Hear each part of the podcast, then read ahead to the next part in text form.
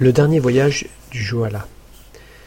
Au loin, à droite, vers les côtes de Gambie, les éclairs se rapprochent.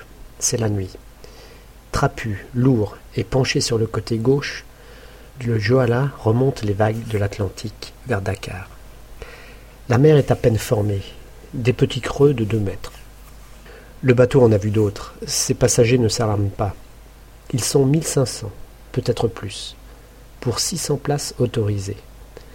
Ceux qui n'ont pas trouvé de banc ou de fauteuil s'installent sur les ponts, dans les coursives.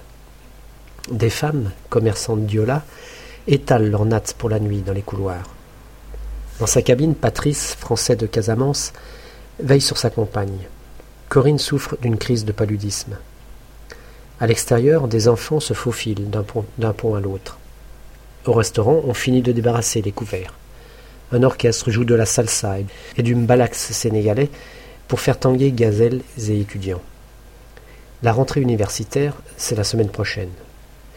La traversée s'annonce agitée comme à l'ordinaire, dans l'odeur d'huile, de fioul et de poissons séchés.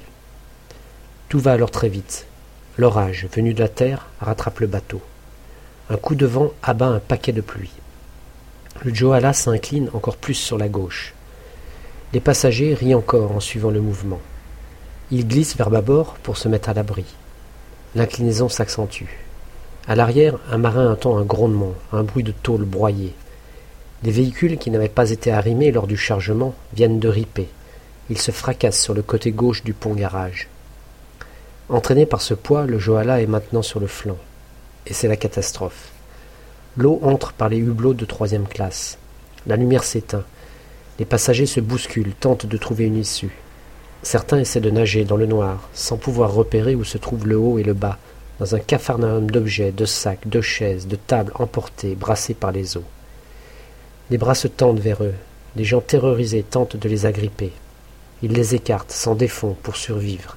Des enfants hurlent, des mères appellent. Dehors, les gens sautent ou sont précipités dans les flots. Un étudiant qui était au pied de la timonerie essaie de monter le plus haut possible sur le navire, pour repousser le moment où l'eau va le rattraper. Il grimpe le long des grandes vitres de sa cabine de pilotage. À l'intérieur, à la lueur des éclairs, il voit les marins épouvantés qui, emportés par le mouvement du bateau, sont tous précipités vers la porte gauche, où l'eau commence à entrer. Ils ne peuvent plus accéder aux commandes, ni lancer de SOS. Dans la cabine, Patrice aide Corinne à se faufiler par la fenêtre. Il saute dans les vagues de l'océan au moment où le Joala se retourne, coq en l'air. Un éclair. Patrice aperçoit des gens qui se débattent, incapables de nager. Un autre flash. Ils ont disparu. Il ne voit plus Corinne. Il entend, venu du bateau renversé, les hurlements de ceux qui sont restés prisonniers et tentent de survivre dans les poches d'air. À trente kilomètres des côtes de Gambie, au moins mille cinq cents personnes vont mourir. Parmi elles, toute une génération d'étudiants, espoirs et futurs élites de la Casamance. La catastrophe a duré dix minutes. Seuls 65 passagers ont survécu au dernier voyage du Joala. Le Joala avait quitté Ziguinchor le jour même, en fin de matinée, et commencé la descente du fleuve Casamance en direction de Carabane. Lentement, le Joala glisse vers le milieu du fleuve. Il s'aligne dans le chenal et entreprend à vitesse réduite la descente vers Carabane, dernière île avant l'embouchure, porte de l'océan.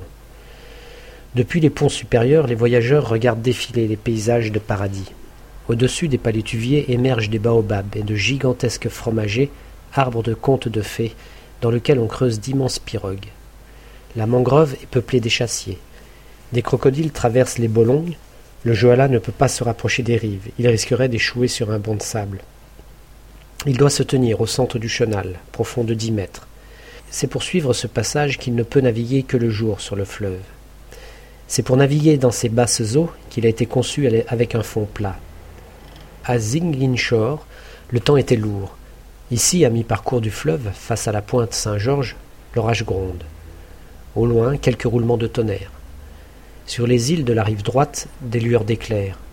En automne, sur l'humide Casamance, se renforcent des grains tropicaux qui prennent de l'ampleur au-dessus de l'Atlantique, avant de devenir ouragans sur les côtes américaines. Ce fut le cas de Cindy en 1999, qui avait balayé plus d'une centaine de pirogues de pêcheurs en mer. Mais rien de tel n'est annoncé aujourd'hui. Vers 16h30, le Joala arrive en face de l'île de Carabane. Il pleut, un peu. Lorsque Joala paraît en vue de Carabane, au milieu du fleuve, on est au cinéma. Depuis les rives, des pirogues multicolores sont poussées à l'eau. Bientôt elles escortent le navire jusqu'à son mouillage, à quelques encablures de la plage. Sur l'île, on devine des ruines d'une ancienne église bretonne, vestige du temps des, colonies, quand Carabane servait de halte aux navires négriers. Aujourd'hui, c'est une île douce, paradis pour touristes aventuriers. Ben Béchir est sidéré du nombre de pirogues dans lesquelles s'entassent de nouveaux passagers pour le Joala. Officiellement, 178 tickets ont été vendus au départ de l'île. Parmi eux, il y a 54 enfants de Mlomp, petit village accessible par une route où les chauffeurs zigzaguent entre les nids de poules à la recherche de restes de goudron. L'entretien des routes ici n'a jamais été une priorité du gouvernement. Dans le village d'à côté, Kanout, c'est Thomas, l'instituteur, qui amène une quinzaine d'écoliers à Dakar. Tous ces enfants rejoignent à bord trois équipes de football qui vont disputer un tournoi pour les moins de quinze ans. Sept militaires supplémentaires prennent place. L'embarquement se fait par une porte latérale, à tribord. Massés sur les ponts, les passagers assistent au chargement des paniers remplis de poissons et de crevettes séchées, de bouquets de palais de paille. Le Joala alors penche à tribord. À dix-huit heures, les transbordements sont terminés. Le bateau repart, il pleut toujours. L'orage gronde plus au nord. À dix-neuf heures, le bateau franchit la barre, quitte l'embouchure et fait cap vers Dakar, qui devrait être atteint le lendemain matin vers sept heures. La sortie du fleuve se fait en douceur, saluée par un banc de dauphins. Les côtes de la Casamance, les plages bordées de cocotiers où crépitent quelques feux, les villages de pêcheurs s'éloignent doucement. Des bouteilles de plastique emplies de vin de palme circulent de main en main. On boit au goulot. Des effluves d'herbe flottent dans les endroits reculés des ponts, comme un au revoir à la douceur de vivre de Casamance. L'entrée dans l'Atlantique est plus houleuse. Ici, le courant vient toujours du nord, le navire remonte les flots. Même si la mer n'est pas vraiment grosse, les vagues cognent contre la coque. Dans les cabines, on a l'impression de plonger après chaque gifle de l'océan. Les toubabs, les blancs, quittent peu leur couchette, immobilisés par le mal de mer. Des habitués du voyage ne se formalisent pas. Ils mangent au restaurant et se préparent à danser une partie de la nuit. Personne ne s'inquiète du nombre de passagers dans les superstructures du bateau. Joala était bien plus chargé lorsqu'il avait transporté trois mille civils et militaires après une opération en Guinée-Bissau. Il convoyait même cette fois-là des engins blindés dans le pont-garage. Tout le monde, à part bien sûr le commandant, ignore que le bateau n'a pas subi sa visite annuelle de sécurité et que ces certificats de navigabilité ne sont plus valables depuis des années. Personne, enfin, ne se soucie de l'absence de liaison radio régulière entre le bateau et la terre. Le dernier appel est donné à 22 heures. Il signale que tout va bien à bord. Il n'y a pas d'autre appel prévu avant l'arrivée à Dakar. Vers 22h45, le radar repère l'arrivée imminente du grain tropical qui, depuis Zinginshore, court après le navire. Les officiers ne s'alarment pas, ils oublient que le bateau est presque vide dans, ses cales. Une baisse de pression a empêché de faire le plein d'eau à Zinginshore. Les ballasts n'ont pas été remplis. De plus, le Joala est reparti de Casamance avec le seul reste de fioul chargé à Dakar. Le pont du fret est, lui aussi, loin d'être plein. La surcharge est en haut, sur les ponts, avec les passagers, et ce générateur de cinq tonnes installé à l'arrière. Bien lesté, son fret amarré, ses poids bien répartis, le Joala peut résister à des vents très violents. À vingt-trois heures, le coup de vent qui le couche et envoie ses passagers à la mort en dix minutes n'est que de quarante-cinq à cinquante-cinq kilomètres à l'heure. Vers cinq heures du matin, les pêcheurs gambiens dans leurs pirogues sont terrorisés lorsque, effrayants dans la nuit, leur parviennent des cris, des appels. Ils pensent à des esprits, des fantômes de la mer. Agrippés au Joala, les survivants doivent d'abord les. L'alerte est donnée par ces piroguiers qui préviennent des chalutiers à proximité. Leurs armateurs sont contactés vers 8 heures. L'armée qui exploite le bateau ne s'active que vers 8h30. Ces secours n'arriveront sur place que vers 18 heures. Quelques heures auparavant, les forces françaises basées au Cap-Vert ont élitroyé deux plongeurs. L'accès à d'éventuels survivants dans les poches d'air n'est pas tenté. Les cadavres rendent impossible toute progression dans le bateau. Haïdar El Ali est arrivé le samedi matin. Libanais d'origine, ce plongeur sénégalais a entrepris de lui-même de rallier l'épave du Joala, dès qu'il a appris la catastrophe. Sur place, il plonge, espérant sauver des vies. Il ne remonte que des cadavres. Il filme aussi et transmet les cassettes aux autorités militaires.